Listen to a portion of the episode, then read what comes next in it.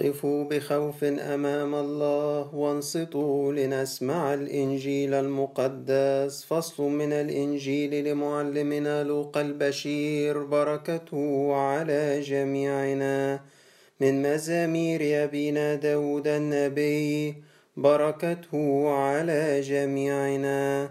رتلوا للرب الساكن في صهيون واخبروا في الأمم بأعماله. لأنه طلب الدماء وتذكرها الليلويا مبارك الآتي باسم رب القوات ربنا وإلهنا ومخلصنا وملكنا كلنا. يسوع المسيح ابن الله الحي له المجد الدائم إلى الأبد. فأجاب واحد من الناموسيين وقال له يا معلم إذ تقول هذه تشتمنا نحن أيضا. فقال وأنتم أيضا أيها الناموسيون ويل لكم لأنكم تحملون الناس أحمالا عسرة الحمل. وأنتم لا تمسون الأحمال بإحدى أصابعكم. ويل لكم لأنكم تبنون قبور الأنبياء وقد قتلهم آباؤكم. إذا تشهدون وتصرون بأعمال آبائكم. لأنهم هم قتلوهم وأنتم تبنون قبورهم. من أجل هذا قالت أيضا حكمة الله إني أرسل إليهم أنبياء ورسلا فتقتلون منهم وتطردون. كيما ينتقم من هذا الجيل لدم جميع الأنبياء الذي أريق منذ إنشاء العالم من دم هابيل إلى دم زكريا بن برشيا. الذي أهلكوه بين المذبح والبيت. نعم أقول لكم إنه يطلب من هذا الجيل ويل لكم أيها الناموسيون لأنكم أخذتم مفاتيح المعرفة فلم تدخلوا أنتم والداخلون منعتموه.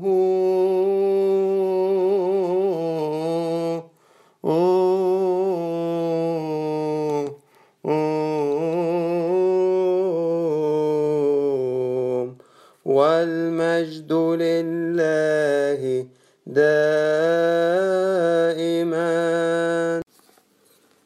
بسم الآب والابن والروح القدس الله الواحد أمين. أهلا بكم يا أحباء في حلقة جديدة من تأملاتنا في قراءات أيام الصوم الكبير. ولعلكم تذكروا أن إحنا هذا الأسبوع بنتحدث عن موضوع المعمودية لأنه بنهاية هذا الأسبوع بيأتينا الأحد السادس المسمى بأحد التناصير أو أحد شفاء المولود أعمى اللي نزل واغتسل في بركة سلوام اللي بتشير مياهها إلى مياه المعمودية فخرج بصيرا إشارة إلى الاستنارة التي نحصل عليها بسر المعمودية. وحكينا إنه القراءات بتاعت الأسبوع الماضي حدثتنا عن الإيمان اللي بيعتبر شرط رئيسي من شروط المعمودية وكان أول يوم في قراءات هذا الأسبوع اللي هو يوم الاثنين كان بيحدثنا عن التوبة التوبة اللي بتؤهل أيضا للمعمودية. وقراءات امبارح حدثتنا عن الاعتراف سواء الاعتراف بالله وبالمسيح ابن الله وبالثالوث أي الاعتراف الإيمان أو الاعتراف بخطايانا كشرط رئيسي متمم لهذه التوبة وداخل ضمن الطقوس بتاعة سر المعمودية. أما اليوم الأربعاء فأنا هتمهل شوية في استنتاج إيه علاقة قراءات هذا اليوم بالمعمودية وأحاول معاكم في الأول نشوف هل من موضوع مشترك بين معظم قراءات هذا اليوم. أرجو أن تكون الناس اللي بتسمعني حاولت أنها تجد هذا الرابط أو إنها قرت هذه القراءات عشان الموضوع بالنسبة لها يكون أكثر فايدة. الحقيقة لو بصينا على قراءات هذا اليوم دعوني مبدأهاش من النبوات زي ما بعمل كل يوم لأنها هتبقى صعبة الاكتشاف. تعالوا نمسكها من أول إنجيل باكر. بيقول كده في إنجيل باكر من القديس مرقس أصحاح سبعة. بنلاقي إدانة ربنا للكتبة والفريسيين. بيقول كده لما شافوا إن هم تلاميذه بياكلوا الخبز بأيدي غير مغسولة اعتبروها دنسة. وقالوا له ليه تلاميذك كده بيكسروا تقليد الشيوخ؟ وبياكلوا بأيدي غير, بأيدي غير مغسولة أيدي دنسة. فربنا أدانهم وقال حسنا تنبأ عنكم إشعياء أيها المراؤون. كما هو مكتوب هذا الشعب يكرمني بشفتيه أما قلوبهم فبعيدة عني. فهم باطلا يعبدونني. الحقيقة بجد هذه الكلمات بمثابة جرس إنذار ليا. أنا كاهن وجوه الكنيسة وكنت بصلي كل يوم قداس والمفروض إن أنا دريان بالكتاب المقدس وبالوصايا وبتعليم الكنيسة. فأخشى إنه آه هذا الكلام ينطبق عليا إنه آه أنا كرجل دين زي ما يطلق عليا كده آه وبعدين ألاقي ربنا بيوجه لي هذا الكلام اللي بيوجهه للفريسيين والكتبة اللي هم عارفي الناموس وحافظي الناموس. هذا الشعب يكرمني بشفتيه أما قلبه فب... أما قلوبهم فبعيدة عني باطلا يعبدونني. فأنتهزها فرصة وأقول يا رب إديني توبة حقيقية وسامحني على أي شكليات في عبادتي نقي قلبي يا رب من كل مراياة من كل مظهرية في العبادة وإديني يا رب إني اعبدك بقلبي مش بشفتي ويبقى قلبي متوجه إليك مش بعيد عنك. وما تسمحش إني ابدا أكون باطلا أعبدك. فبنجد إنه في إنجيل باكر هناك دينونة لإنجاز التعبير الابن الأكبر اللي هو كان يشير إلى أمة إسرائيل واللي بزماننا اليوم يشير إلى بكل أسف إلينا نحن إلينا نحن اللي لينا مظهر التقوى. وقد نكون منكرين لقوتها لينا اسم المسيح وقد نكون عايشين بعيدا عن هذا الاسم. هنجد هذا الخط بقى مستمر معنا في قراءات القداس. يعني في البولس بيقول كده لأن الذين أخطأوا بدون الناموس بدون الناموس يهلكون. يعني اللي أخطأوا بدون ناموس ما عندهمش ناموس بدون الناموس هيهلكوا. ليه؟ لأن عندهم ناموس خاص بهم في طبيعتهم عرفهم الصح والغلط. والذين خطأوا في الناموس اللي هم الابن الأكبر اللي هم أمة إسرائيل اللي هو رمزيا يشير لنا إحنا دلوقتي أهل البيت. فبالناموس يدانون. لأنه ليس السامعون للناموس هم أبرار عند الله بل العاملون بالناموس هم يبررون.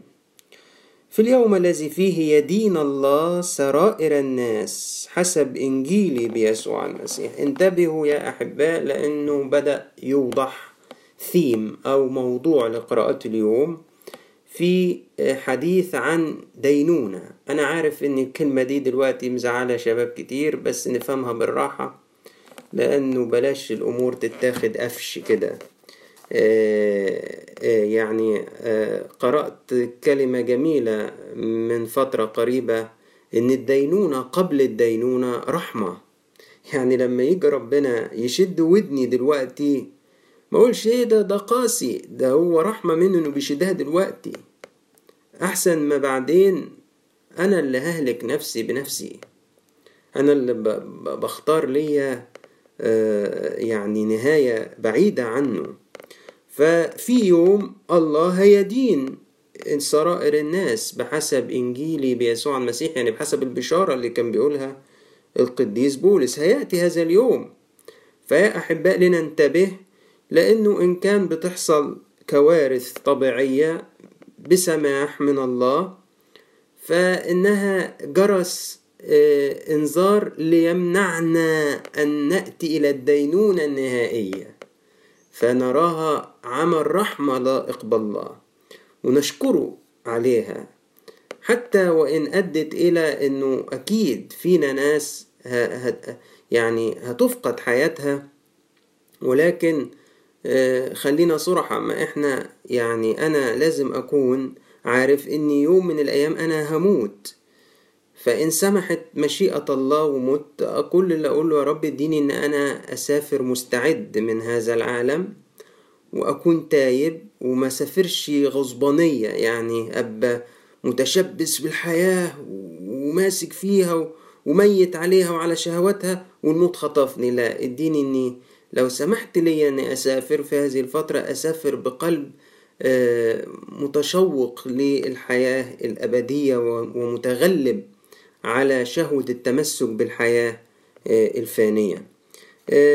فالبولس بيقول خد بالك الدينونة هتطال الجميع إن كانوا بدون مسيح سواء كانوا ملهمش ناموس يعني أمم وسواء كانوا لهم ناموس يعني يهود. وبلغة هذه الأيام أو بالنسبة لنا إحنا الدينونة ستطال الجميع يعني ما تقعدش تقول أصل دي أمم بعيدة عن الله. فربنا هو سمح لها بالوباء. لا طب هو ربنا طب ما زعلان مننا إحنا برضو. يعني وإحنا ما بنعملش حاجات إحنا اللي جوه الكنيسة إحنا ولاد ربنا ما بنعملش حاجات مزعلة ربنا. نبقى إحنا بنكذب يبقى إحنا لسنا نعمل الحق. إحنا مش بنقول الحقيقة لو إحنا قلنا هذا الكلام.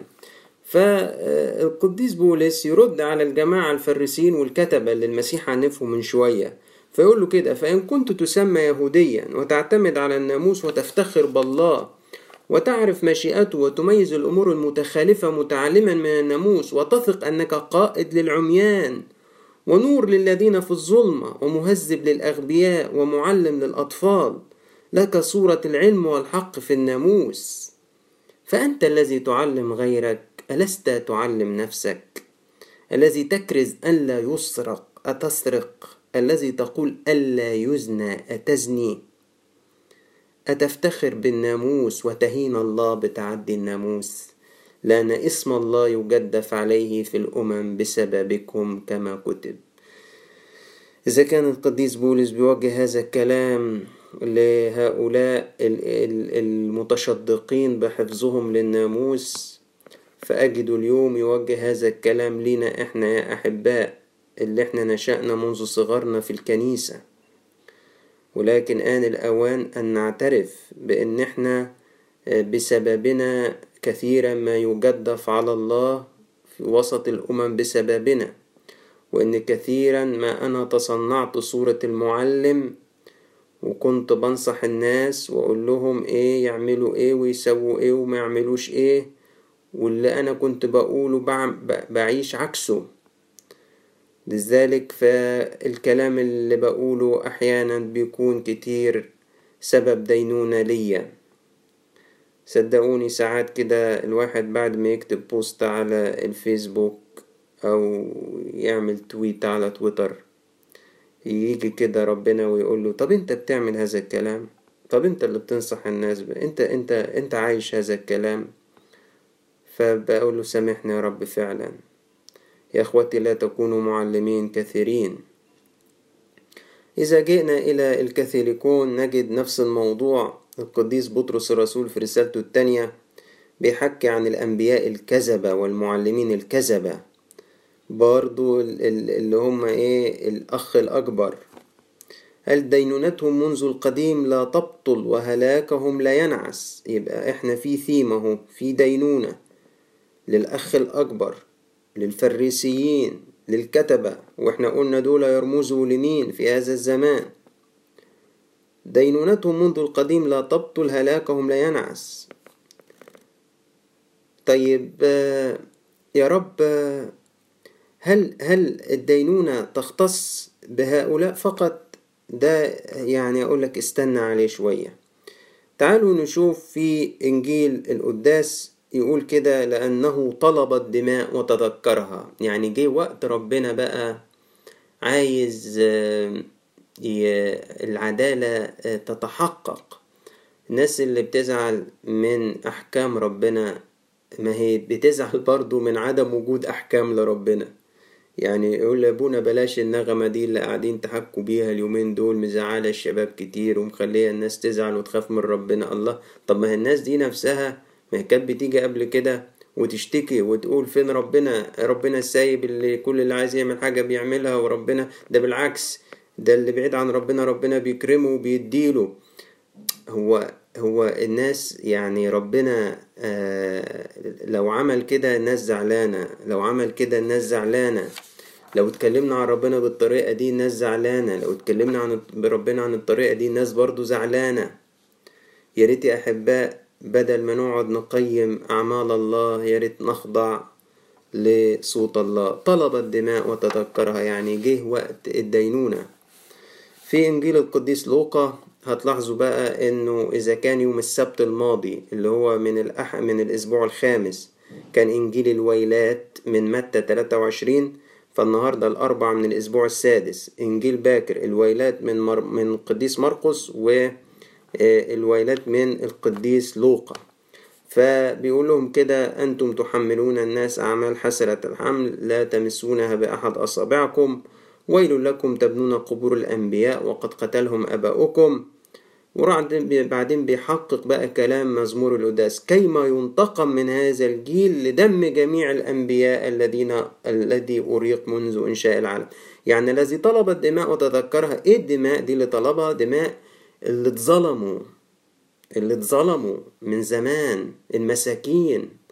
يا جماعة ياما أفعال لينا تجاه الآخرين بيكون فيها ظلم وفيها افتراء وفيها عدم شفقة وعدم رحمة. هيجي وقت الله هيحاسب على هذه الأمور. إنه يطلب من هذا الجيل طب وليه يا رب من هذا الجيل هو الجيل ده هو اللي عمل قال إذا صار جيل في نفس أخطاء أبائه هيجي وقت تحصل الدينونة في عهده. لكن لو جيل ده تاب مش هيحصل دينونة في أيامه. لكن لو جيل أخطأ والجيل اللي وراه ماشي في نفس السكة يجي وقت تتحقق فيه دينونة. كده بيسهل علينا شوية بقى إن إحنا ندخل على النبوات. لأن النبوات الحقيقة المرة دي هتجدوا إنه هي بتتبع يعني جزء منها يتبع هذا الخط وهي نبوة الخروج والنبوة اللي, متشالة من القطمارس من يشوع ابن سراخ نبوة سفر الخروج بتحكي عن الضربة الثامنة والتاسعة والتمهيد للضربة العشرة من من الضربات اللي تمت في أرض مصر. وفيها إدانة بقى للأخ الأصغر اللي هي الأمم اللي بتعبد الأوثان ما هي أيضا مزعلة ربنا. ما هو ربنا مش زعلان مننا بس مش مننا إحنا بس ولاد الكنيسة لما زعلان من العالم اللي بره اللي بعيد عنه. زعلان منه جدا برضه. وهنا دينونة فرعون موجودة ودينونة المصريين موجودة. آه بيقول كده لكي تخبروا في مسامع أبنائكم وأبناء أبنائكم بكل ما ضربت به المصريين وآياتي التي صنعتها بهم فتعلمون أني أنا الرب. فرعون بقساوة قلبه تسبب أني مصر خربت. قالوا له كده العبيد بتوعه. فقال عبيد فرعون له كانت ضربة الجراد وضربة الظلام. فقال عبيد فرعون له إلى متى تكون لنا عثرة؟ أنت لحد إمتى؟ هتفضل منشف قلبك ودماغك. اطلق الرجال ليعبدوا الرب إلههم. أما تعلم أن مصر قد خربت؟ أنت مش واخد بالك؟ مصر خربت؟ انت مش واخد بالك العالم خرب لازم نتوب لازم نرجع لربنا. هنستنى إيه تاني؟ يقول له مصر خربت. حتى متى تكون لنا عثرة؟ هذه الكلمات يا أحبائي تذكرني تماما بكلمات النبوة اللي جت في سفر يشوع بن سراخ واللي مش موجودة في القطمرسات الحديثة.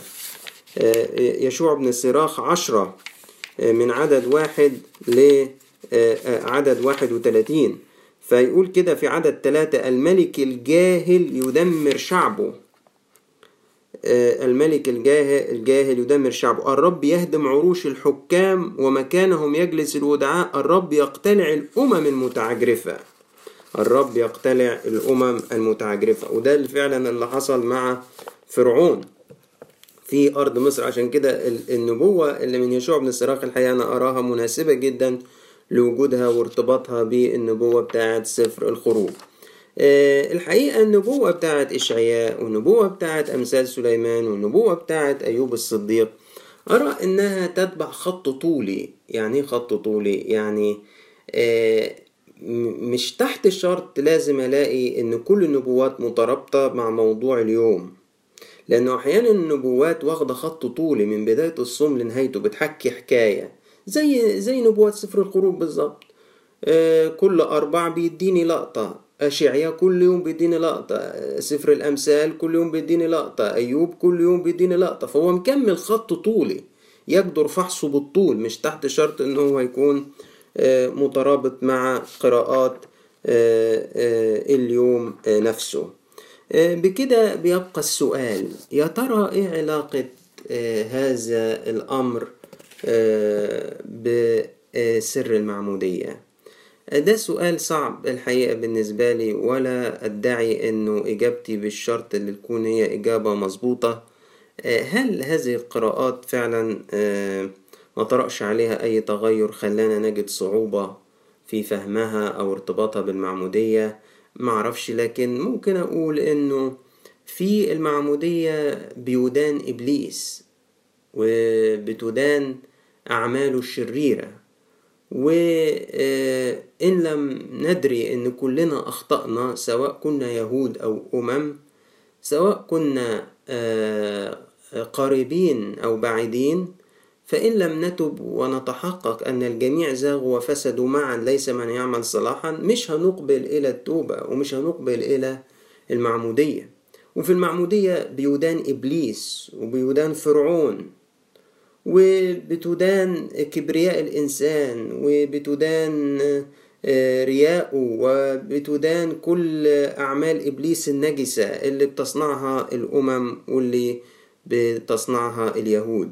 فالمعمودية بتموت كل هذه الأمور وتكون نجاة لكل من يؤمن بالمسيح الذي نعتمد على اسمه. إذا لا شيء من الدينونة الآن على الذين هم في المسيح يسوع السالكين ليس حسب الجسد بل حسب الروح. فكل هذه الدينونة التي نستحقها إنما ننجو منها إن احتمينا في شخص المسيح الذي اعتمدنا على اسمه وإن سلكنا ليس حسب الجسد بل حسب الروح. الحقيقة يا أحباء كل جميع طرق الرب رحمة وحق لحافظي عهد وشهاداته. وارجع أقول تاني لو لم يحذرنا من جهنم لسقطنا فيها كما يقول القديس يوحنا ذهبي الفم. فما تزعلش من هذا النوع من الوعظ. صدقني ما غرضه خالص إن إحنا نخوف الناس من ربنا ولا من النار ولا كل الكلام ده مش غرضه ابدا. غرضه نوصل صوت ربنا. ربنا بيقول ارجعوا إلي بكل قلوبكم. بس وغرضه إنه التمرد على ربنا هيخلي كل النواميس الطبيعية تتمرد علينا وتتعبنا. والتمرد في النهاية بيخليني أختار إن أنا أكون في مكان الدينونة مش في مكان البر. وربنا مش عايزني أهلك. لم يصنع لي لم يصنعني للهلاك. لكن مش معناها إنه محدش هيهلك.